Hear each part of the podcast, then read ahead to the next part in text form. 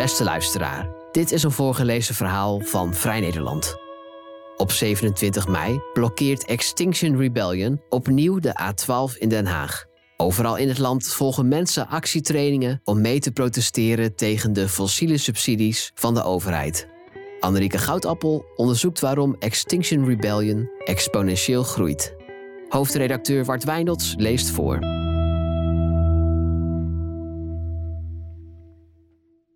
Zonder mee te doen op het viaduct sta ik met mijn neus bovenop de rebellen die zich met superlijm vastplakken aan het asfalt van de A12. Bovenop rebellen die met lock-ons aan elkaar vastzitten en luidkeels roepen dat zij rechtvaardigheid willen.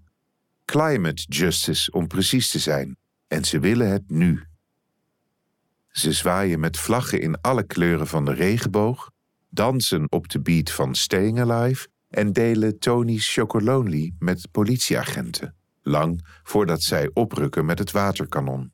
Bij dit alles is mijn camera mijn schild, net als de perskaart om mijn nek en het gele hesje met de zwarte opdruk Pers 2023. Ze geven me een houding en een reden om daar te zijn, dicht bij mijn petekind, ze zit op het asfalt, en dicht bij alle andere rebellen van Extinction Rebellion. Op 27 mei zijn de rebellen terug op de A12 voor de zevende blokkade. Het aantal demonstranten groeide de afgelopen zes blokkades exponentieel, meldt de website, en ook nu wordt een verdubbeling verwacht. Ze blijven komen totdat het ministerie van Economische Zaken en Klimaat de subsidies voor de fossiele industrie schrapt. Vermoedelijk komt er een dag dat ik ook op de snelweg zit, zonder het schild van mijn professie, even weerloos als al die rebellen die zich laten wegslepen door de politie.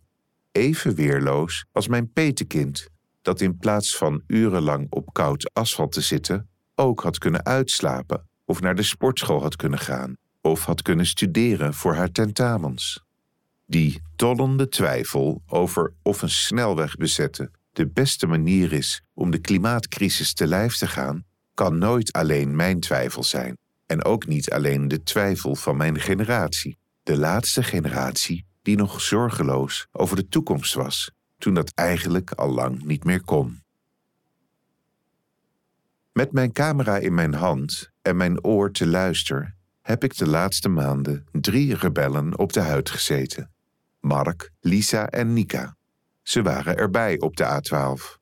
Ze waren daar om de normale gang van zaken te blokkeren, omdat normaal helemaal niet normaal is en niet kan blijven bestaan, schrijft Jay Griffith in Why Rebel. Griffith liet zichzelf arresteren bij XR-acties in Londen, waar Extinction Rebellion in 2018 voor het eerst met zwier en humor en paradoxale levenslust de normale gang van zaken verstoorde op vijf bruggen in het centrum. Griffith schrijft: Klimaatwetenschappers dachten decennia lang dat het zou volstaan om hun bevindingen onder de aandacht te brengen en dat de politiek dan in actie zou komen. Maar wat nodig was, voegt zij toe, was een alarmkreet. Extinction Rebellion stond op. Mark liep voor zijn zestiende weg van de middelbare school, leerde fotograferen op de Koninklijke Academie van Beeldende Kunsten in Den Haag en stapte daarna over op film. Ik kom hem steeds tegen bij acties van Extinction Rebellion. We staan in dezelfde linies. Onze blikken kruisten op kniehoogte op het moment dat we allebei met onze camera's naar het asfalt doken toen een rebel onder een van de waterkanonnen op de A12 kroop in een laatste poging om het waterkanon te stoppen. De eerste XR-actie die Mark filmde was op de Zuidas, begin 2019. Extinction Rebellion Nederland was niet lang daarvoor opgericht en een paar honderd rebellen waren in alle vroegte met XR-vlaggen en trommels naar de Zuidas getrokken om een kruispunt te bezetten. Hij had op sociale media beelden van een XR-actie bij het Rijksmuseum gezien en dacht: Waarom ben ik daar niet bij? Toen hij hoorde over de actie op de Zuidas, fietste hij daar op goed geluk naartoe en sindsdien filmt hij elke grote actie. Mijn mantra is, zegt hij, een camera bij iedere actie. Het moet gezien worden. Lisa is aan het promoveren in de filosofie. Ze denkt na over de apocalyps en verdiept zich in het fenomeen afval. Ze zegt daarover: We denken dat het weg is als we het in de vuilnisbak gooien, maar het duikt altijd weer op ergens, zoals het plastic in de oceanen. Op 11 maart was ze voor de tweede keer op de A12. Ze ging om drie uur middags weer weg, ook al was ze van plan geweest om langer te blijven. Ze was druk met het afronden van haar boek Apocalypsofie over recycling, groene groei en andere gevaarlijke fantasieën dat in juni verschijnt bij uitgeverij Ten Haven. Op de achterflap staat dat apocalypsofie niet geruststelt, maar wel handvatten biedt voor leven in tijden van uitsterving. Waar het op aankomt, is jezelf steeds de vraag stellen hoe je dat zo goed mogelijk kunt doen. De eerste keer dat Lisa de lijn van denken naar actie overstak, was toen ze een mail stuurde naar de directie van de Amsterdamse culturele vrijplaats Tolhuistuin om te vragen hoe het bestond dat ze daar een borrel van Shell faciliteerde. Ze ging naar de A12 uit pure verontwaardiging en woede over de preventieve arrestatie van rebel Lucas Winnips. Ze zegt daarover: Ik dacht, als dit met mensen gaat gebeuren, dan gooi ik mijn lichaam ook in de strijd. Mijn petekind Nika is student. Ze is 19, bijna even oud, even jong als Greta Thunberg. In haar studie buigt ze zich over de klimaatcrisis met het drievoudig perspectief van de sociale wetenschappen, de beta-wetenschappen en engineering. Nika hoorde voor het eerst van Greta toen zij nog in haar eentje elke vrijdag voor het parlement in Zweden zat met haar protestbord en zag hoe zij later het Europees Parlement toesprak. Ik wil dat jullie in paniek raken. De wereld is beland in een van de grimmigste scenario's uit het rapport van de Club van Rome. Het rapport slingerde in pocketvorm bij ons thuis rond toen ik zo oud was als Greta en Nika nu. Als tiener heb ik er wel eens in gebladerd, maar ik herinner me niet dat het met paniek gepaard ging. Nika herhaalde Greta's woorden in haar eindpresentatie op de middelbare school. I want you to panic. En liet de smeltende ijskappen en de voortrazende bosbranden en de overstromende rivieren zien aan haar klasgenoten. De blokkade van de A12 op 11 maart was haar zoveelste actie en voor de zoveelste keer werd ze gearresteerd en zou ze pas diep in de nacht weer thuis zijn. Ze zegt: Ik kan dit niet niet doen, als je eenmaal het bizarre onrecht achter de klimaatcrisis begrijpt, heb je geen keuze meer. Waarom koos ik deze drie rebellen uit de duizenden Nederlanders die zich inmiddels bij Extinction Rebellion aansloten, onder wie steeds meer BN'ers, zoals pas nog de 83-jarige Hanneke Groenteman, die verklaarde aangestoken te zijn door Caries van Houten. Misschien omdat ik ze nodig heb om mijn eigen positie te verhelderen. Vlak voor corona vloog ik samen met mijn petekind in een Boeing 747 over de Atlantische Oceaan om haar voor haar 15e verjaardag het land van mijn coming of age te laten zien. De nieuwe wereld, de Verenigde Staten van Amerika. Zij vloog nog, ik vloog nog, ik vlieg nog steeds, al was de vlucht naar Amerika voorlopig mijn laatste. De laatste keer dat Nika sindsdien een vliegtuig aanraakte, was toen ze vastzat aan een privéjet op Schiphol, tot de laatste rebellen, ver na zonsondergang, door de Koninklijke Marechaussee in bussen werden gestopt. Jarenlang vloog ik zonder een gedachte aan het klimaat of aan het uitsterven van diersoorten. Nu kijk ik met groeiende zorg terug op het zorgeloze leven van de jaren negentig van de vorige eeuw waarin het mentale landschap overheerst werd door The West is the best. Het kind van de Koude Oorlog dat ik was, zou altijd vrijheid boven gelijkheid verkiezen, waardoor ik wel oog had voor het mooie dat het Westen had voortgebracht, maar niet voor het lelijke en de prijs die voornamelijk anderen daarvoor hadden moeten betalen. Mensen die voor het eerst bij Extinction Rebellion komen, luisteren een half uur lang naar Heading for Extinction and What to Do About It. Volgens de XR-site een praatje over de realiteit van de klimaatcrisis en milieuvernietiging, gegeven door mensen betrokken bij Extinction Rebellion. Later verwijzen ze met een mengeling van onrust en ontzag naar The Talk en weten nog precies wanneer en waar ze hem voor het eerst hoorden. The Talk is wereldwijd al duizenden keren gegeven en bedoeld om mensen te sterken in hun overtuiging dat het noodzakelijk is om in opstand te komen. De nieuwste feiten van de klimaatwetenschap schetsen in de talk een zwart beeld van de toekomst als de uitstoot van CO2 en andere broeikasgassen niet snel vermindert. Ik wist dat het erg was, zei een jongen op een bijeenkomst van XR in Amsterdam, maar niet dat het zo erg was. Hij voelde zich als Neo in de film The Matrix. Na de talk had hij het idee dat hij net als de held in de film moest kiezen tussen een blauwe pil en een rode pil. Tussen blijven dromen in een comfortabele kokon en de bereidheid om de verontrustende waarheid daarbuiten te leren kennen. Als kind zat Lisa regelmatig met haar moeder aan de keukentafel discussies te voeren over politiek en grenzen aan de groei en de groene beweging die net in Nederland opkwam. Op haar zestiende las ze het rapport van de Club van Rome, wat haar op een bepaalde manier geruststelde. Lisa zegt: Ik besefte, ik ben niet gek. Er gaat hier in de wereld iets niet goed. Er gaat hier in de politiek iets niet goed. En mensen gaan maar door alsof er niks aan de hand is. Dus bij mij was er nooit sprake van een rode pil, waardoor opeens de schellen van mijn ogen vielen. Regelmatig zijn haar studenten in shock als ze met hen kijkt naar How to Let Go of the World and Love All the Things Climate Can't Change, een documentaire uit 2016.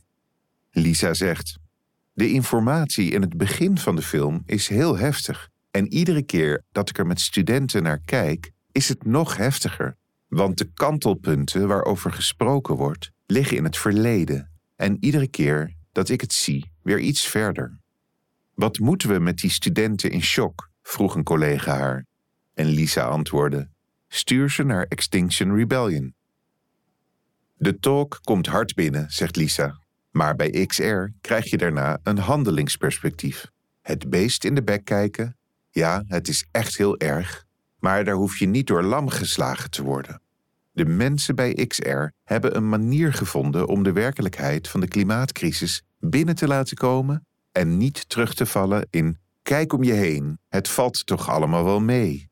En andere mensen gaan ook op skivakantie. Dan zal het wel oké zijn. Lisa vervolgt. Het helpt om onderdeel uit te maken van een groep mensen die ook begrijpt dat onze manier van leven suïcidaal is. Want voor je het weet, val je voor het gevaarlijke narratief dat het allemaal toch geen zoden aan de dijk zet. Of laat je je ecorexia aanpraten en ga je je schuldig voelen over je eigen gedrag. Ben ik wel groen genoeg? XR helpt om niet schuldbewust ineen te krimpen en het systeem te gaan bevragen. Want een beter milieu begint niet bij jezelf. Toen hij acht was, wilde Mark geen vlees meer eten. Hij groeide op rond krakers. Hij zegt: iedereen kraakte in die tijd, dat was heel normaal. Toen hij een jaar of tien was, zond de televisie wekenlang beelden uit van een hongersnood in Afrika. Mark zegt: Volgens mij dacht ik toen al: de wereld is fucked. In de krakersscene heeft hij meegekregen uit handen van de politie te blijven. Hij vertelt: Je laat je niet pakken. De macht is zo gevaarlijk dat je koste wat kost zorgt dat dat niet gebeurt. Rationeel weet ik dat Nederland niet Iran is, maar met mijn gevoel reageer ik daar wel zo op. Bij de Schipholactie stond hij op de onderste tree van de ladder om over het hek te klimmen, maar hij keerde op het laatste moment terug toen hij de politie zag aankomen. Heel de dag liep hij buiten het hek op zichzelf te schelden. Door de mazen van het hek zag hij de andere filmers en fotografen tussen de vliegtuigen hun werk doen, dicht bij het vuur. En hij besloot ter plekke om zich bij de volgende actie niet meer te laten leiden door zijn angst voor arrestatie. Toen Lisa al lang naar huis was en Nika tot op het bot nat gespoten tussen de laatste rebellen op de A12 zat, stond Mark bij politiebusjes die dwars over de weg een muur begonnen te vormen, met aan de ene kant rebellen die niet meer konden wegkomen en aan de andere kant het open einde van de weg. Als je lang genoeg zou doorlopen, was daar de zee. Mark zegt: Ik deed waarschijnlijk onbewust de stap naar die kant En weer stond ik aan de verkeerde kant, terwijl ik makkelijk had kunnen blijven, want ze wilden zo min mogelijk mensen arresteren. Doe ik wel genoeg? vraagt hij zich in kwellende uren af. Niet blijven, terwijl de anderen wel blijven. Niet het werk blijven doen waarvoor hij kwam. Niet de beste coole film maken. Er niet zijn voor de ander.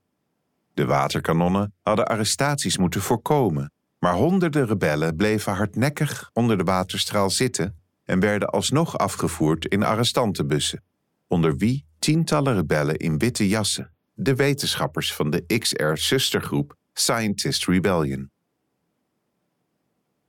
Lisa had een bijeenkomst van Scientist Rebellion willen bijwonen voordat ze naar de A12 ging, maar daar was het niet van gekomen. Maar nu ga ik me bij hun aansluiten, zegt ze. Het lijkt me heel fijn om het met regelmaat te hebben over de spanning tussen het activistische en het academische. Ik wil ook uitvoerig nadenken over de rol van de wetenschapper. Moet je altijd maar achter je bureau blijven zitten of in je lab onderzoek doen? Wat is de rol van een wetenschapper eigenlijk? In mijn geval, wat is de rol van een filosoof? De omgang met onze sterfelijkheid is een wezenlijk onderdeel van de filosofie en tegenwoordig komt daar omgang met uitsterfelijkheid bij. Wat moet ik doen in tijden van extinctie? Daarin kan ik in ieder geval niet langer achter mijn bureau blijven zitten. In Apocalypsofie schrijft ze dat de apocalyps niet ergens in de toekomst plaatsvindt als de ijskappen smelten, als de zeespiegels stijgen, als het zo heet wordt dat oogsten verschroeien. Ze zegt: de catastrofe is wat nu al gebeurt en het gaat erom dat te doorbreken. Dat continuum van maar doorgaan en doorgaan.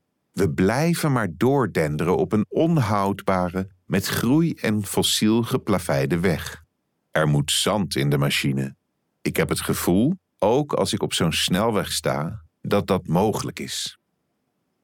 Tegen het jaar 2040, het jaar waarin volgens onderzoekers van het MIT de Amerikaanse samenleving zal instorten, wil Mark samen met zijn gezin en vrienden een huis ver weg van de stad hebben, met een kelder vol eten en andere overlevingsmiddelen. Hij zegt: Misschien zitten die onderzoekers er tien jaar naast en is het 2050. Maar misschien gebeurt het juist eerder. Ik weet dat de apocalyps niet ergens in de toekomst komt, zoals in films over de ondergang. Maar soms heb ik van die apocalyptische fantasieën, waarin ik met mijn gezin op de vlucht moet slaan voor de rampen die gebeuren.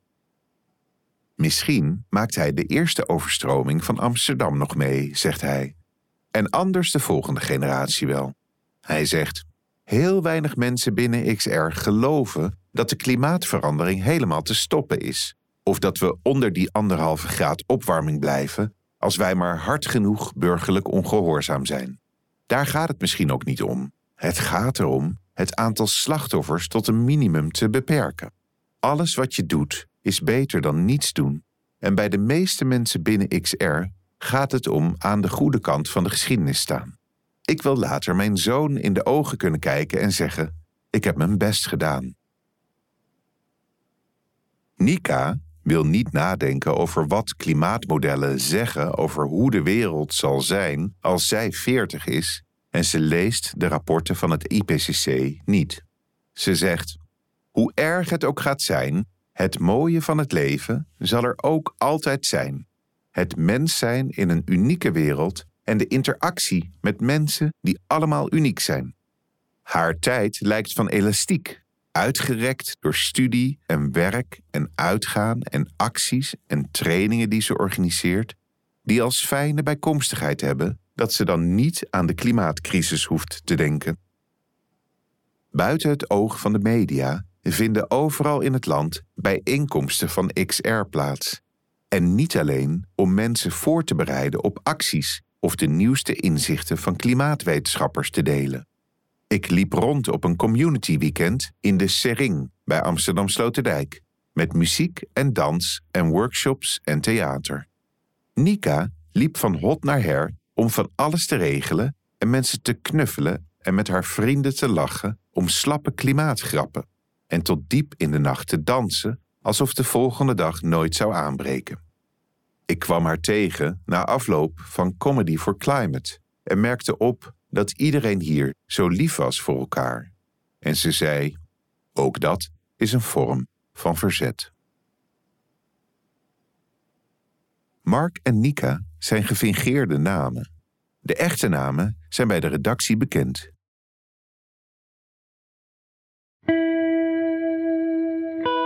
Wil je meer verhalen van ons lezen of beluisteren? Kijk dan op vn.nl of abonneer je op Vrij Nederland in je podcast-app. Voor onze trouwe luisteraars hebben wij ook een speciale actie. Een half jaar Vrij Nederland online voor maar 15 euro. Kijk voor de aanbieding en de voorwaarden op vn.nl/podcast. Bedankt voor het luisteren.